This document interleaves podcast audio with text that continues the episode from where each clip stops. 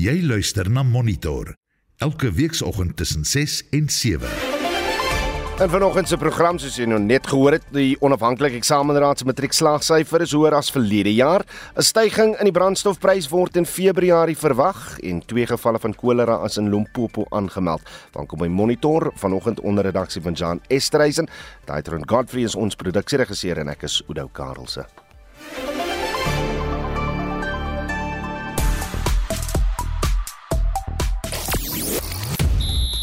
In jou sportnuus 'n paar groot name vandag by die Australiese Ope in aksie. In cricket is die Paul Royals nou eerste op die SA20 Liga punte leer en drie opwindende wedstryde wat by die Afrika Nasies beker plaasvind. Reg, vandag sal ons weet hoe ons matrikulante gevaar het spesifiek in ons openbare skole. Ons weet reeds ons privaat skole se matrikulante se slaagsyfer is effens hoër en staan hierdie jaar op byna 99%. Wat die prentjie ook al gaan wees wat minister Angie Motshega vanaand sal skets oor die matrikulante van 2023. Wil ons asseblief vir jou vra, gee vir ons jong mense wat na skool verlaat die beste raad wat jy aan kan dink om 'n blink toekoms vir hulself te bou. Wat sou jy aan jou jonger self gesê het as jy destyds met jou matriekuitslae in jou hand geweet het wat jy nou weet? Stuur 'n SMS na 45889. Dit kos jou R1.50 per SMS of stuur 'n WhatsApp stemnota na 076 536 6961. Jy luister na Monitor elke weekoggend tussen 6 en 7. Dis 13 minute na 6. Die uh, getal handtekeninge wat vereis word om aan die 2024 algemene algemene verkiesing deel te neem, is weer in die kollig. Die keer gaan dit oor die aantal handtekeninge wat politieke partye sonder verteenwoordiging in die wetgewers moet kry. Die konstitusionele hof het in Desember verlede jaar beslis dat onafhanklike kandidaate slegs 1000 handtekeninge moet kry, maar die hof het nie die vereiste vir onverteenwoordigde politieke partye oorweeg nie, maar die skepers verduidelik. Die gewysigde kieswet bepaal dat onverteenwoordigde politieke partye wat aan die algemene verkiesing wil deelneem, 'n getal handtekeninge moet kry wat gelykstaande is aan 15% van die getal stemme wat vereis word om 'n setel in die vorige verkiesing in te palm. Dit beteken so 'n politieke party moet 'n minimum van 11000 handtekeninge kry in dunbevolkte provinsies soos die Noord-Kaap of bykans 15000 handtekeninge in 'n digbevolkte provinsie soos Gauteng. Die hoofkiesbeampte van die verkiesingskommissie, Sai Mamabolo, verduidelik.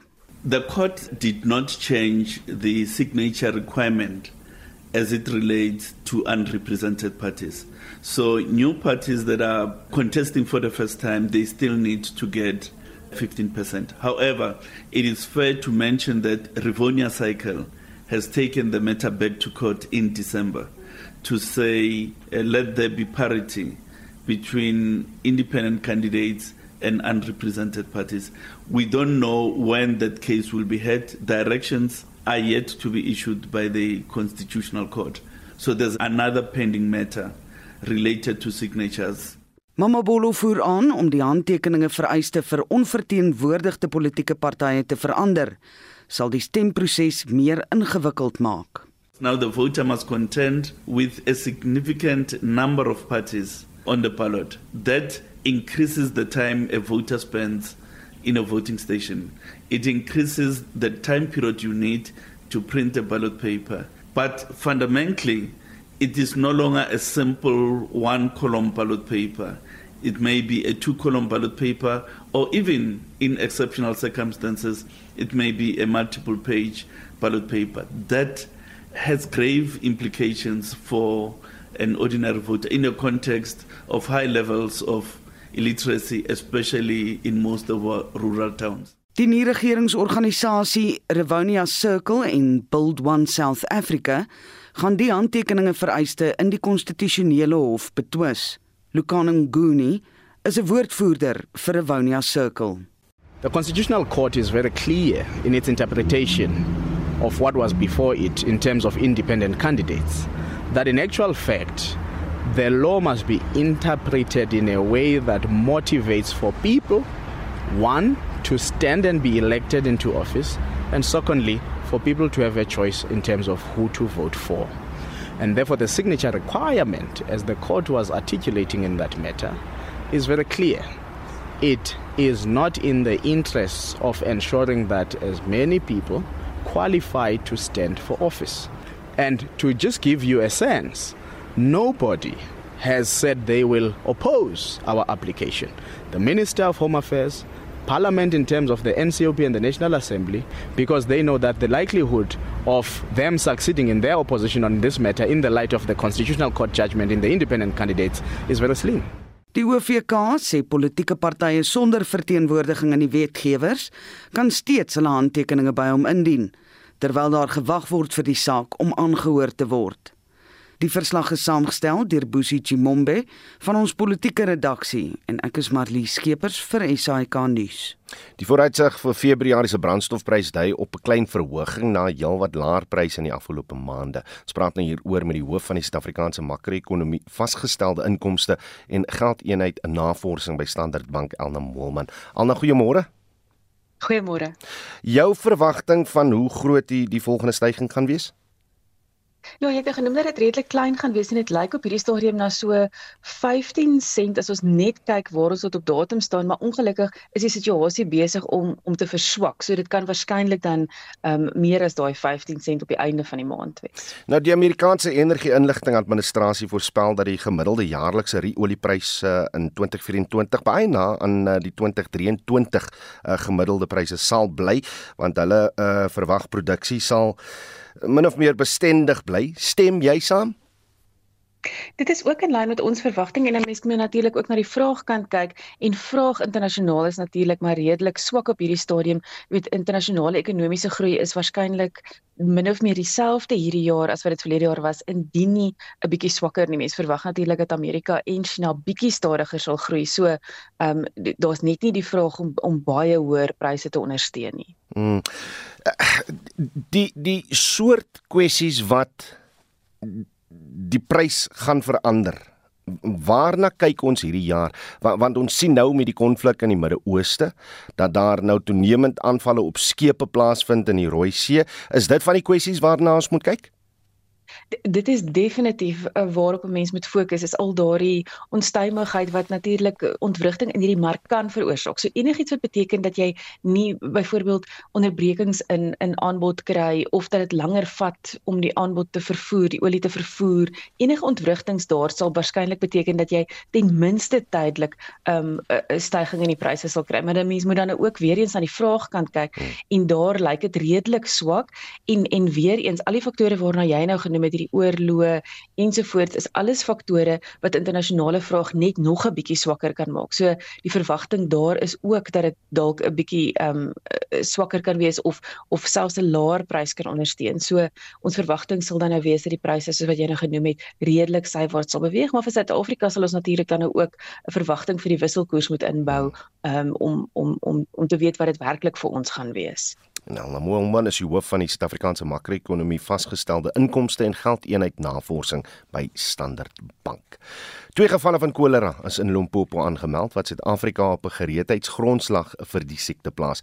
Dit is glo twee Zimbabwese mans wat die siekte onderlede het en ons praat nou hieroor met 'n spesialis in infeksiesiektes by 3 Militêre Hospitaal in Bloemfontein, Dr. Kloete van Vuren. Kloete, goeiemôre. Môre Oude. Sê my waar in Suid-Afrika se buurlande is daar 'n kolera uitbreking aangemeld? Daar kyk hoe daar is eintlik lanktermyn 16 lande in Afrika wat voortdurend uh, op die wêreldgesondheidsorganisasie se lys is met uitbrake van kolera in uh, wel Mosambiek, Zimbabwe, Zambië. Ons weet daar's nou 'n baie groot uitbraak in Zambië aan die gang. Ehm um, jy weet daar's elke jaar in Afrika word daar ongeveer ehm um, tussen 1.3 en 4 miljoen gevalle van kolera uh, aangemeld en daar is uh, elke jaar gemiddeld so oor die 4000 sterftes aan kolera in Afrika. So dis nie 'n onbekende ding in Afrika nie en met ons uh, grense wat so poreus is, ehm um, veral vir die Zimbabweërs, um, gaan ons gereeld hierdie gevalle sien wat inkom en dit is waar ons risiko lê, jy weet, as hmm. as dit ons waterbronne besmet, veral in gebiede waar daar swak infrastruktuur is, uh nie toegang tot uh skoon suiwer water nie, die riool infrastruktuur werk nie, dan loop ons die risiko om ons waterbronne besmet te kry en dan 'n uh, 'n lokale uitbraak te hê. Soos verlede jaar gebeur het. Jy weet, ek dink hmm. jy sal onthou ons laaste geval van kolera verlede jaar wat 'n uitbraak was, was in Julie gewees. En 'n uitbraak is wat daar een geval is met kolera wat nie gereis het nie. Jy weet, so hierdie twee Zimbabwe se duidelik van uh, Zimbabwe af ingekom baie onlangs en dis waar hulle dit opgedoen het. Maar as jy een lokale geval het, dan tel die Wêreldgesondheidsorganisasie dit as 'n uitbraak. Ah. So as ons hom nie op die grens kan keer nie, hoe behoort ons dit hier te bekamp en, en wie is onder ons kwesbaarste? Nee, dit is suiwer jou arme mense wat in plekke bly waar daar nie infrastruktuur is nie. Kyk, kolera is 'n siekte van ontwrigting. Jy sien dit in jou vlugtelingkampe, uh na aardbewings waar daar nie toegang tot skoon water is nie. Dis waar jy 'n probleem lê, nê? En as ons dan kyk in ons informele nedersettings, ehm um, en baie van ons plaaslike munisipaliteite waar die infrastruktuur verval, ehm um, dit gaan oor toegang tot skoon water en die ordentlike hantering van die riool.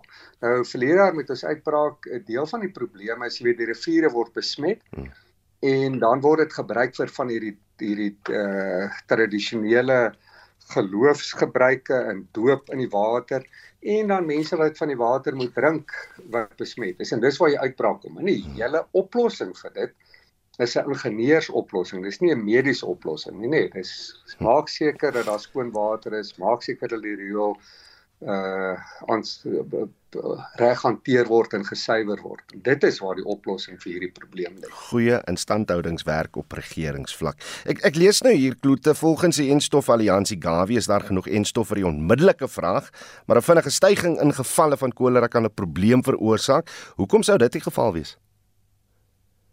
Nee, kyk die die enstof is nie baie wyd beskikbaar nie en dit werk nie baie goed nie, maar dit is iets wat jy saam met al hierdie ander materiale gebruik. Hmm. So gestel jy het in 'n gebied nou kom agter daar's 'n waterbron wat besmet is, daar's 'n uitbraak in 'n uh, 'n sekere uh, munisipale gebied, dan deel van jou ding van skoon water te voorsien is ook om dan almal wat toegang tot daai waterbron het van hierdie dis 'n sluk uh, orale enstof iets wat jy in 'n paar druppeltjies wat jy sluk uh, om dit te gee om te help om te keer dat jy die lading van die organismes in die water minder maak sodat jy uitbraak onder beheer kan kry. Dr. Kloete van Vuren is 'n spesialis in infeksie siektes by die 3 Militêre Hospitaal in Bloemfontein. Die werklike veranderinge aan die nasionale waterwysigingswetsontwerp onderwerp die toekenning van watergebruikslisensies en die voorsiening van waterdienste aan raskwotas. Die burgerregte groep Afriforum sê daar is geen rasionele rasionale verband tussen die transformasie-oogmerke en die beplande maatreëls nie. Ons praat nou met die omgewingsraadgewer van Afriforum, Marius de Waal. Marius, goeiemôre. Goeiemôre Oudo en die luisteraars. Die regering se denkwyse met hierdie wetgewing aanvanklik, soos hulle dit verduidelik, is waterregte is gekoppel aan grondregte en omdat grondregte sterk verband het aan ras in Suid-Afrika, moes dit verander. Julle sê dis irrasioneel. Hoekom? Oudo, ehm um, die regering het reeds 'n uh, mandaat om transformasie te bewerkstellig en en daarteen kan ons nou nie ehm um, stry nie. Hmm. Ehm um, maar ons sien geen rasionele verband tussen die metodes wat hulle nou in werking wil stel en die doel wat om om eintlik transformasie te bewerkstellig nie. Ehm um, as ons kyk na die toestand van die land se natuurlike waterhulpbronne en ehm um, waterdienslewering verkeer dit na absolute krisis en om nou sonder enige bewese ehm um, rasionaal te gaan transformasies probeer afdwing ehm um, staar ons 'n groter krisis moontlik self in die gesig en dit is die armstes en die mees kwesbaarste mense in die samelewing hmm. wat dan die swaarste daardeur geraak kan word as as waterhulpbronne nie volhoubaar bestuur word nie. O, ons het 'n heel paar keer verlede jaar ge, gefokus op die die wetsontwerp, maar hoe lyk hy om, in sy huidige uh, um, um, vorm? Uh, hoe gaan dit werk? So die hele aanloop hiertoe, ja, soos jy nou gereeds sê, kom al eh, 'n uh, hele ruk um, oor die verloop van van laas jaar eers in regulasies wat hulle probeer verander het, um, wat op die einde toe teruggetrek is en nou is die die wetsontwerp om die nasionale waterwet en die wet op waterdienste self te verander. So voorbeelde van van die veranderings wat, wat transformasies maar ter sprake is is in die toekenning van waterlisensie. So as jy 'n watergebruiker is wat 'n lisensie nodig het, dan word ehm um, transformasiedoelwitte en raskwotas nou as 'n uitdruklike vereiste gestel of byvoorbeeld ook in die waterdienswet die samestelling van waterrade moet nou ehm um, spesifiek transformasiebeleide in hulle grondwette ehm um, in ag neem. So dit is oorhoofse teikens al wat gestel word, maar daar's nog nie sekerheid oor die presiese details van hoe dit hoe dit gaan werk nie. En, en watter minister, watter owerheid gaan verantwoordelik wees vir die polisieering van van hierdie vereistes? So dit val onder die mandaat van die minister van water en sanitasie, Senzo Mkhunu. Hmm. En sê my, wat gaan julle doen daaromtrent? So op hierdie stadium het ons ons ehm um, kommentaar en ons besware ingedien. Die ehm um, tydperk vir publieke deelname het die 16de Januarie gesluit. Nou is dit onderworpe aan die res van die van die wetgewende proses, so dit moet in die uh, moontlik kan DWS nou eers ehm um, verder wysigings aan die aan die wetsontwerp maak, maar dan moet dit in die parlement eers gedebatteer word. So ons op hierdie stadium hou ons dop wat wat volgende gaan gebeur. Marius de Waal is die omgewingsraadgewer van AfriForum. Wêreldnuus Toenemende spanning in die Midde-Ooste oorheers vandag die internasionale nuusfront. Die Pentagon het bevestig dat die VSA 'n vierde ronde aanval eh, aanvalle geloods het op die Iran-ondersteunde Houthis in Jemen. Die VSA se departement van verdediging se bevelsafdeling in die Midde-Ooste, CENTCOM, sê die Houthi-teikens is deur missiele getref wat deur Amerikaanse vlootskepe afgevuur is. Estie, jy het vir ons meer. Oudou die aanvalle deur die VSA se weermag het gevolg op die Houthi se aanval op 'n Amerikaanse vragskip en dit is die tweede aanval die week. Die Amerikaanse weermag het bevestig dat 14 Houthi missiele afgeweer is. Net ure voor die aanval het die VSA die Houthis as 'n terroriste groep verklaar en die groep weer op hulle lys van internasionale terroriste bygevoeg. Net 'n vinnige terugblik hier Oudou. Die Houthi aanvalle op skepe in die Rooi See het in November verlede jaar reeds begin en wat is hulle rede? Die Houthis het gesê hulle reageer op Israel se militêre operasies in Gaza. Nou in die afgelope 2 maande het die groep dosyne aanvalle geloods op kommersiële skepe in die Rooi See, een van die wêreld se besigste skeepsroetes. In reaksie hierop het die FSA, die Verenigde Koninkryk en vier ander lande, en dit is Australië, Bahrein, Nederland en Kanada, verlede donderdag begin om Houthi-teikens in Jemen aan te val. Die rede was dat die Houthis 'n ultimatum geïgnoreer het om die aanvalle op skepe in die Rooi See te staak. Die BBC se Will Vernon doen verslag. The US and its allies when describing their military action in Yemen uh, have said this is essentially a defensive mission. They've talked about protecting shipping, protecting mariners' lives, and that's all it's about. We've kind of descended into a bit of a tit for tat situation. The Houthis fire a missile or a drone and and then the Americans respond. But of course the question now is what comes next because when the US, the UK, those other nations launched those strikes a week ago, they had two objectives, so they said. One was to dissuade the Houthis from carrying out further attacks, and the second objective was to degrade their capabilities to do so. Now, it appears that both those objectives haven't been a huge success. En dit is die BBC se Will Vernon. En Esdrie Houthi sal vol, weer eens vol, hulle sal voortgaan met die aanvalle totdat 'n skietstilstand in Gaza ingestel word. Dis reg Oudo en die FSA sê egter die aanvalle is nie om mense in Jemen te teiken nie, maar slegs om te verseker dat internasionale hulporganisasies se werk in Jemen nie versaak word nie. Die FSA is die grootste internasionale skenker van hulp en voorraad aan Jemen. Ons bly dan in die Midde-Ooste waar Iran verantwoordelikheid aanvaar het vir 'n hommeltuigaanval in Pakistan wat die lewens van twee kinders geëis het. En die aanval volg net dae nadat Iran ook aanvalle geloods het op Irak en op Sirië. Nou gevegte tussen Iran en Pakistan veral op die grens tussen daardie twee lande is nie ongehoord nie, maar die aanval op Pakistan word as 'n hoë profiel beskou. Die BBC se Caroline Davies berig. Iranian state media said yesterday that the Iranian military had hit and targeted the headquarters of a Sunni militant group that is known as Jaish al Adil, which has carried out multiple attacks inside Iran, including claiming responsibility for an attack on a police station in December. Now, the group itself has put out on social media, it says that this particular strike hit the homes of the militants and that killed family members of the militants rather than their bases themselves. They have also vowed revenge on Iran. Iran itself has not put out an official statement on this incident. En dit is die BBC se Caroline Davies. Intussen het Pakistan sy ambassadeur vir Iran herroep en het ook aan Iran se ambassadeur vir Pakistan wat nie op die oomblik in die land is nie gesê hy moet nie in die stadium terugkeer nie. Iran het dus nou oor die afgelope paar dae Oudo vir Pakistan wat aan die een kant 'n grens deel met die land aangeval en ook vir Irak en Sirië wat 'n grens met Pakistan aan die ander kant um, deel aangeval. Die vraag is um, of al hierdie aanvalle met die oorlog in Gaza verbind kan word. Nou die BBC se diplomatieke redakteur Paul Adams sê die antwoord op hierdie vraag is ja en nee. Hy sê Iran se aanvalle op Pakistan, Irak en Sirië het moontlik 'n ander motief. This was about Iran showing to its own people that attacks on Iranian soil will not go unpunished. But there is a connection. At a time when the Middle East is boiling, the use of long range ballistic missiles is a warning to Iran's enemies, especially Israel and the United States, that it's more than capable of hitting targets well beyond its borders. Then there's the Red Sea, where the US and the UK are attempting to persuade the Houthis, close allies of Iran, to stop attacking shipping bound for the Suez Canal. The Houthis say all this is motivated by the war in Gaza.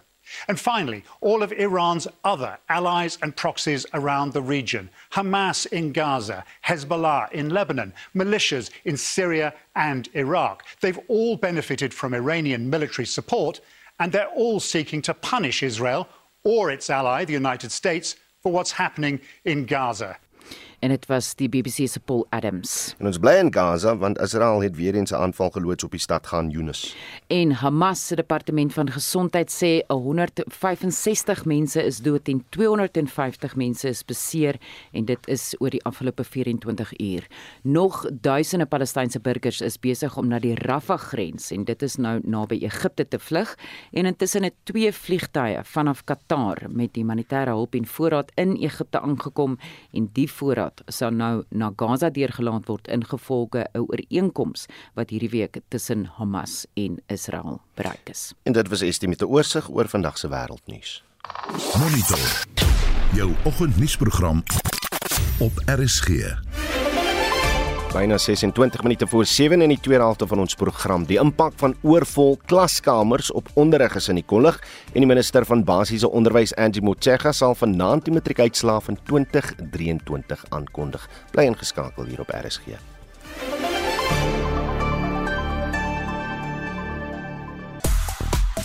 Reg, omdat ons nou vandag sal weet hoe ons matrikulante gevaar het of dit nou privaat skole of openbare skole is, Frans vanoggend vir jou om net aan ons jong mense so 'n bietjie raad te gee.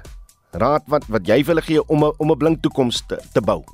As jy destyds toe jy matriek klaar gemaak het, geweet het wat jy nou weet van die lewe en hoe die werkswêreld werk. Watse raad gee jy aan die jong mense? Uh Una sê vir al die matrikula um, matrikulante uh om elke maand geld vir eendag weg te sit. Jy sal my eendag dankie sê. Uh sê sy en uh koop asseblief oordeelkundig. Dan sê Elise van Kaapstad, uh, matrikulante, uh, is nie die einde van die leerpaadjie nie mense, dis maar net die begin. Gebruik elke geleentheid om te lees en te leer. Daar is 'n wonderlike wêreld of daar is 'n wonderlike wêreld uh daar buite om te gaan ontdek. Stuur SMS na 45889 dit kos jou R1.50 per SMS of uh stuur vir ons WhatsApp stemnota na die nommer 076 536 6961. Beweeg nou na die sportveld met Jody Hendriks. Môre Jody. Goeiemôre Ludo. Elke keer as ek opkyk na die televisieskerm is daar as die oop tennis aan die gang. Wat is die jongste daar?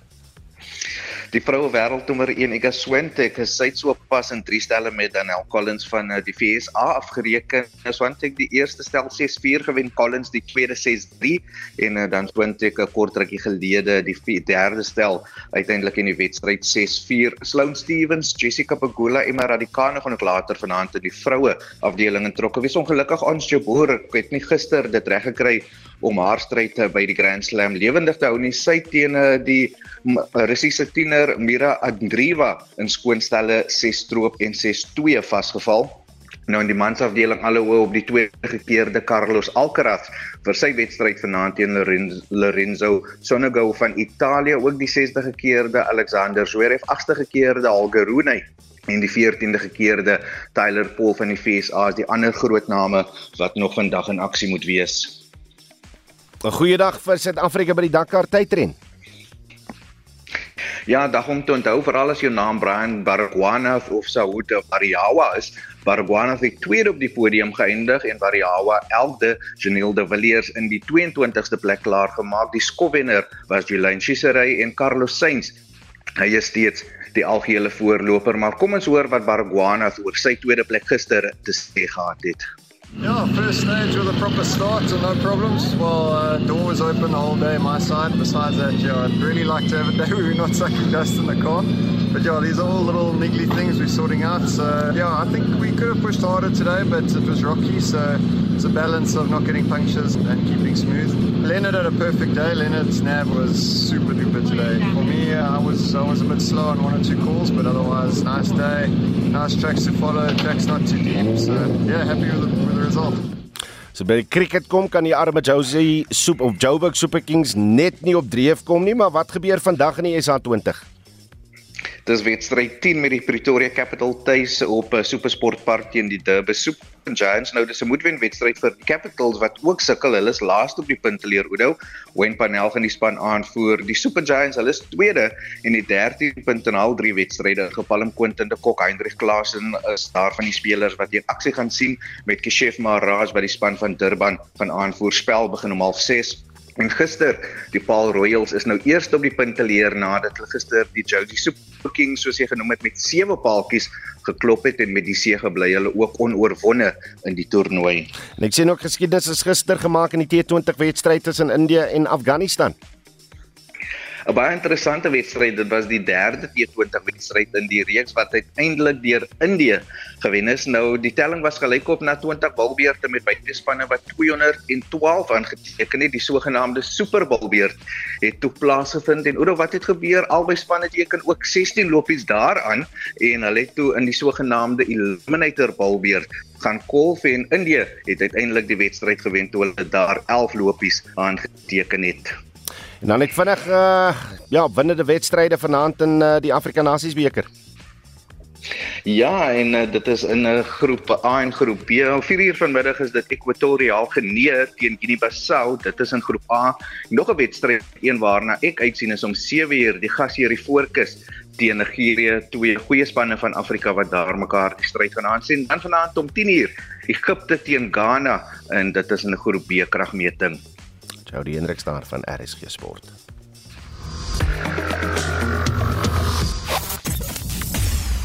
Monitor jou oggendnuusprogram op RSG. Meer as 'n half miljoen leerders in die Wes-Kaap het gister die nuwe skooljaar begin. Die provinsiale onderwysdepartement sê die nodige voorbereidings is gedoen om die heropening van skole vlot te laat verloop. Kobben August het meer besonderhede. Die Wes-Kaapse onderwysdepartement sê 99% van alle leerders in grade 1 en 8 in die provinsie is reeds in 'n openbare skool geplaas. Die provinsiale minister van onderwys, David Meyer, sê die departement werk hard daaraan om plek in skole te vind vir leerders wat nog nie geplaas is nie. We still do have two categories of learners that require further work. First, we have 2,636 learners who are in the process of uh, placement, and most of those, or many of those learners, would have uh, applied late, but before the end of last year. Then we have another category of extremely late applications. We have 609 extremely late applications. 'n ouer van 'n leerling by die Westcott Primêre Skool, Rowan Patrick, sê sy emosies het wipplank gery toe hy sy Peter vir die eerste dag by die groot skool afgelaai het. Tough skin on the outside, but inside a lot of emotions. You're trusting your kid to a group of other people that are skilled in the field, but deep down inside, you know, unfortunately, the world we live in, there's so much that goes on. There's always a thought about, you know, leaving your child with somebody else. And Baie graad 1 leerders was opgewonde oor die groot dag wat uiteindelik aangebreek het. My daddy told me it won't be that scary. And was he right? Yes. In what way was he right? What was it like? It was like eating jelly. It's very cool to come to big school because it just feels like it's a dream and I'm still at home. Die Suid-Afrikaanse Demokratiese Onderwysersunie is egter bekommerd oor die groot getal leerders wat nog nie in openbare skole geplaas is nie. SADU se provinsiale sekretaris, Sibongile Kwazi, sê die vakbond sal gereeld met die departement in verbinding tree om 'n oplossing vir die probleem te vind. Ek is Kobben August in Kaapstad. Ons bly by die onderwerp. Die Gautengse departement van onderwys sukkel ook om duisende leerders in skole te plaas. Intussen is die onderwysersvakbond Naptosa bekommerd oor die impak van oorvol klaskamers op onderwysers. Ons praat nou hieroor met die uitvoerende direkteur van Naptosa, Basil Manuel. Basil, goeiemôre. Goeiemôre Udo. Sê my, is dit uh, presies om met julle te wees? Dit is altyd lekker. Sê my, is dit slegs die provinsiale onderwysdepartement se skuld dat leerders nog nie geplaas is nie? Uh Udo, ons moet onthou dat dit die provinsiale departement se verantwoordelikheid is om onderwys of of liewer uh skoolgeleenthede aan leerders te bied.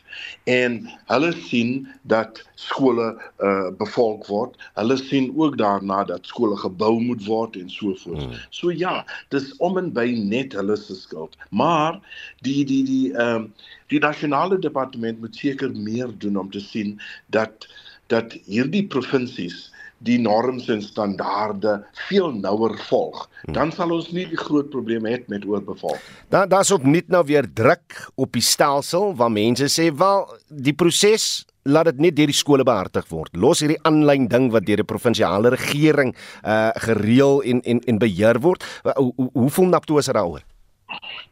Naptosa stem uh saam dat uh skole hierdie uh taak baie goed behartig het vir vir baie baie baie jare. Maar ons sê albei instansies kan kan deel hê hierin. Maar ons wil nie sien dat die provinsiale departement alles wil oorvat. Dit is waar die probleem inkom. Ons weet immers waar die leerdlinge is en ons weet immers hoe om dit te doen dit is die taak van van van van skoolbeheer. Hmm. Maar ons sien dat meer en meer provinsies wil ingryp en hulle wil sien waar die kinders geplaas moet word. Ons weet daar is probleme partykeer met baie min skole wat snaakse goed aanvang, maar ek glo nie dat hierdie proses die beste gehanteer word deur die provinsies nie. Reg, ons ons praat vanoggend oor oorvol klaskamers. Uh, wat is die situasie tans? Hoeveel leerders is daar nou gemiddeld per leerder of onderwyser liewer. Jammer. Laat ek dit so stel Udo. Daar behoort so tussen uh 36 en 40 leerdlinge per onderwyser uh, te wees in in in meeste provinsies dit dit dit hang af van die provinsie natuurlik hmm. van dit kan op 32 begin maar die eintlike klasgrootte is eintlik so 40 hmm. maar dit is nou as alles nou uitwerk soos ons dit wil hê. Uh, in realiteit is daar plekke waar jy tot op 60 en 70 leerders in 'n klas kan kry. En anders waar die gemiddelde om en by 50 is. Dis moeilik om te sê wat die gemiddelde is vir die hele land. Ja, ja. Maar ehm um, dit dit is waar die probleem lê. Ons weet dat oorbevolking sal gebeur, veral as daar druk is op die stelsel. Maar daardie uh uh oorbevolking word nou gelos. En dit dit word die norm van die dag. Hmm. en dit kan nie so wees nie. As daar 'n probleem is moet die probleem opgelos word. Bou 'n ekstra klas of wat ook al.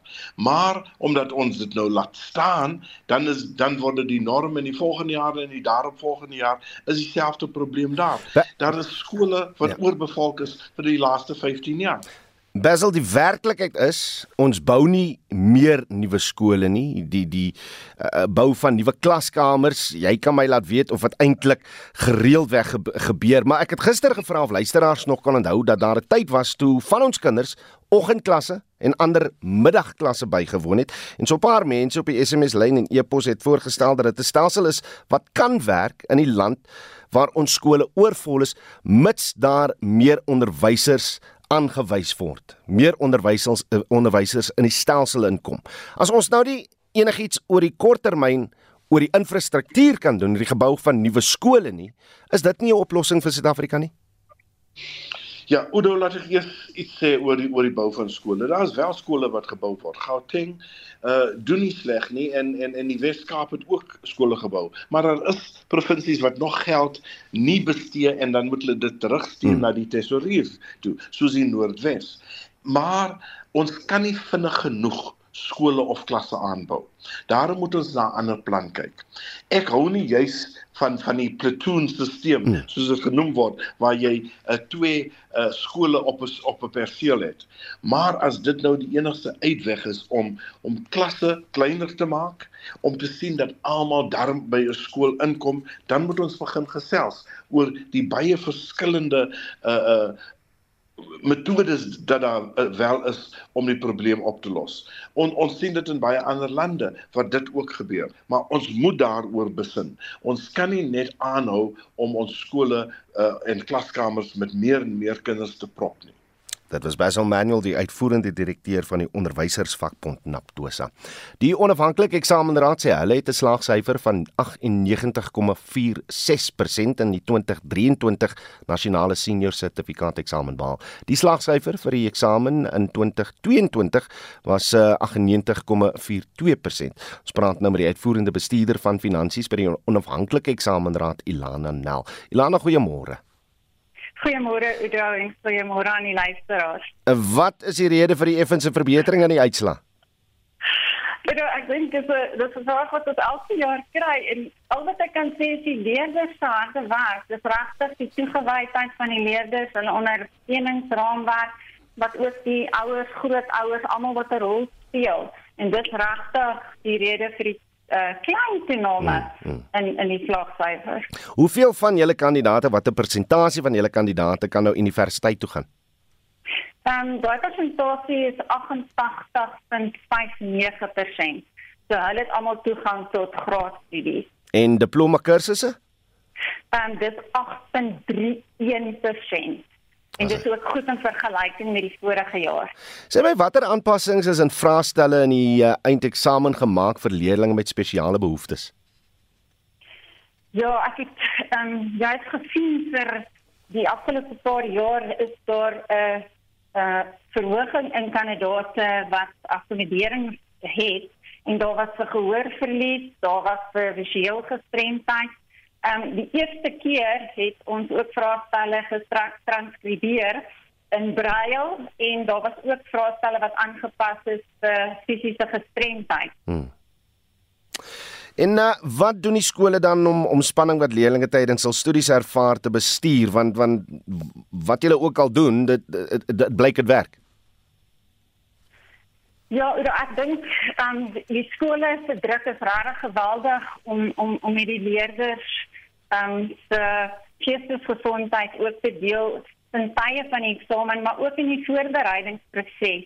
En skole is regtig innoverend om um prosesse in plek te sit om regtig met leerders te praat en dis daai interaksie met die kinders die hele tyd in terme van wat gebeur en ook um projekte as ek dit so kan stel wat hulle met leerders het maar dit gebeur alles op skoolvlak en ons het regtig waardering vir vir die skole wat by die IED geregistreer is wat hierdie prosesse in plek stel vir hulle leerders. Ilana Nel is die onafhanklike eksamenraad se uitvoerende bestuurder van 'n uh, vir finansies. Die minister van basiese onderwys, Angie Motshega, sal omstreeks 6 uur vanaand die nasionale matriekuitslae van 2023 aankondig. Die Raad vir Gehalteversekering in die Onderwys, Omalusi, het reeds die uitslae goedgekeur en sê die gehalte van die 2023 matriekvraestelle was hoër as in vorige jare. Vir haar mening praat ons nou met die hoof van ontwikkeling by Solidariteit se skole ondersteuningsentrum, Melanie Buysmore Melanie. Goeiemôre Oudo. Omalusi het nou kom uit gespreek oor die herhaalde druk en verpakkingsfoute in vraestelle. Het julle ledeskole sulke probleme ervaar? Ek moet sê daar was min klagte klag uh, klagtes oor die verpakking. Eintlik komplimente vir Weskaap en Gauteng oor die logistiek wat so goed gegaan het. So ehm um, by die by die skole by sekere skole of meeste skole het dit baie goed gegaan. En eintlik daar herhaalde foute is onnodig. Dit is onaanvaarbaar want dit is maar net bestuurprobleme. Ehm um, ons groter kommer was eintlik oor die swak vertalings van Afrikaanse vraestelle. Daar was 'n klompie vraestelle wat lyk of dit net deur Google Translate gesit is en wat vir die wat dan met die ehm um, interpretasie misverstande kon veroorsaak. Ag en natuurlik ongelukkig soos met chemie die fout in die vraag hmm. wat kinders eintlik ehm um, weet hulle het dit met die punte reggestel, maar dit ontseën die kinders en dit vat van hulle tyd wat 'n kind 'n onderskeiding kan kos of wat hom eintlik daardeur kan benadeel. So dit was groter kommer as die logistiek. Melanie, hoe werk dit dat hoe werk dit dat dat eh, die die vertaling so swak kan wees? Wat gebeur in die proses dat hy op uiteindelik op 'n vraestel eindig? Dit die moderasieproses tot by daai vraestel tot dit voor 'n kind lê is eintlik baie intens. So dit behoort glad nie te gebeur nie. En daar's uitstekende Afrikaanse onderwysers en daar eh, wat wat deel van die proses gemaak kan wees. So dit is maar 'n bestuursprobleem. Reg. Mindervakke se punt is deur om Alusi opwaarts aangepas van jaar hoor ons. So hoe versterk dit die geloofwaardigheid dan van van die uitslaa? Kyk, ons voel altyd as daar minder op of afwaarts aangepas word, is die geloofwaardigheid beter, maar soms is daar is daar vraestelle wat te moeilik was of regtig te maklik was wat wat hulle dan nou moet kyk. So Malusi speel 'n baie belangrike rol. So ehm um, daar's minder vakke afwaarts aangepas, maar ons is bekommerd oor die 11 vakke teenoor verlede jaar se 3 en die vorige jaar se 4 vakke wat opwaarts aangepas word. Ehm um, wat ehm um, weet dit of eintlik wat afwaarts aangepas word. Sodra 'n ding afwaarts aangepas word, dan weet mense dis te maklik en as te veel so aangepas word, weet dan wonder mense bietjie was dit nie oor die algemeen bietjie te maklik nie. Ehm um, die IB se vakke het net 12 wat opwaarts aangepas word. Niks is afwaarts aangepas nie. So dis weer aan die ander kant wat 'n mens vrae kan stel. Ja. Maar daar was nie groot onderjaamatighede wat eintlik die hele die die geloofwaardigheid van die eksamen kon benadeel nie. Ehm um, ons hoop wens maar net vir meer deursigtigheid tydens die proses dat ouens net op hoogte bly. Die die matriklas van 2023 was in graad 9 toe die COVID-19 pandemie gebeur het. Is is mm. die nagevolge van die tydperk steeds deur die groep leerdlinge gevoel? Kan julle kan julle sien ja. dat hy miskien hierdie jaar minder van 'n impak gehad het of hoe? Ek dink dit hang nogal baie af van die skoolkultuur want hierdie kinders was in graad 9 so dit is nogal die groep wat die minste op gefokus is en gesê het hoor jy jy kan maar 'n bietjie langer bly ons moet eers hierdie matriek deur kry. So so dit is so net meer uitdagings gehad. Maar die kinders is veerkragtig en waar daar goeie skoolbestuur is waar die waar die kultuur van die skool is van minder afwesigheid en onderwysers vinnig teruggegaan het, kan ons sien doen die kinders goed en hulle is gemotiveerd. Ehm um, die minister het voorbrand gemaak op 'n stadium vir swakker uitslae maar ehm um, baie van die vraestelle was ook bietjie makliker as byvoorbeeld in die rekord of in die verlede. So ons hoop nou die die vrae die uitslae sal goed wees. Die een voordeel van COVID is waar onderwysers met aanlyn ehm um, moontlikhede begin het net om kinders op hoogte te hou en voortgaan daarmee. So op hierdie stadium met die matrieks van hierdie jaar en die, die toekomstige jare eintlik die beste van beide wêrelde hmm. met kontakonderrig en dan die ondersteuning van aanlyn. Reg, is goed om te hoor. Nou Die groot vraag ja. natuurlik. Die slaagsyfer vir 2022 was uh, 80,1%. Wat is jou, wat is julle verwagting as solidariteit vir die 2023 matriekuitslag? Ja, oor ons het maar nie ehm um, illusies nie. Dis verkiesingsjaar. Die ANC kan nie eintlik toelaat dat die slagsyfer laer gaan nie.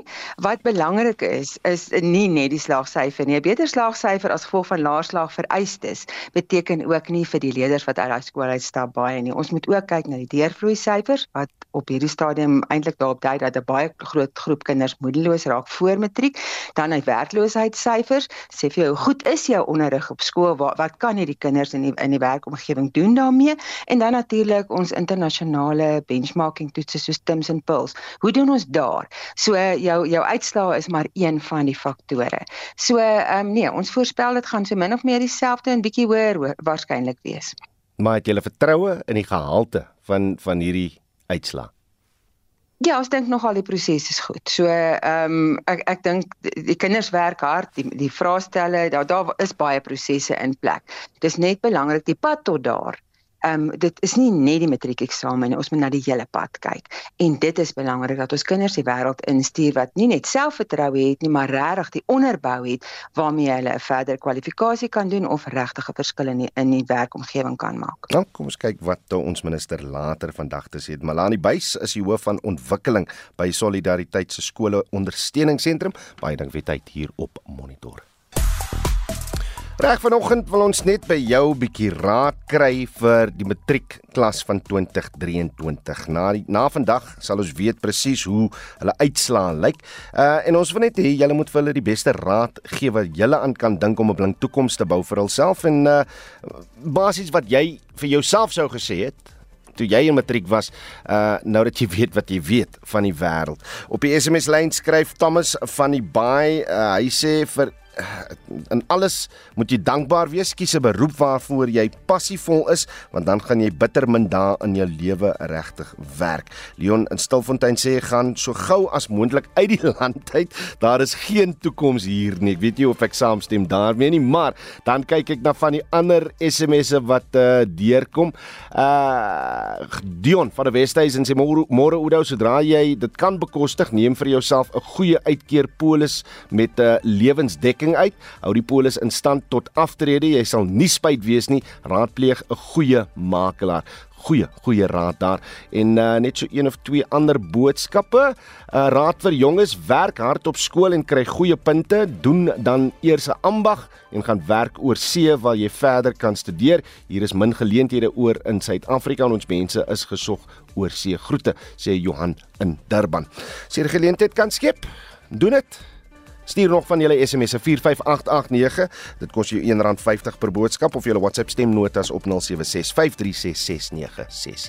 Ons groet namens ons uitvoerende regisseur Nicoline Lou, ons redakteur vanoggend was uh, Jean Estreisen, ons produksieregisseur Daitron Godfrey en ek is Oudo Karels. Geniet die res van die dag in die geselskap van RSG.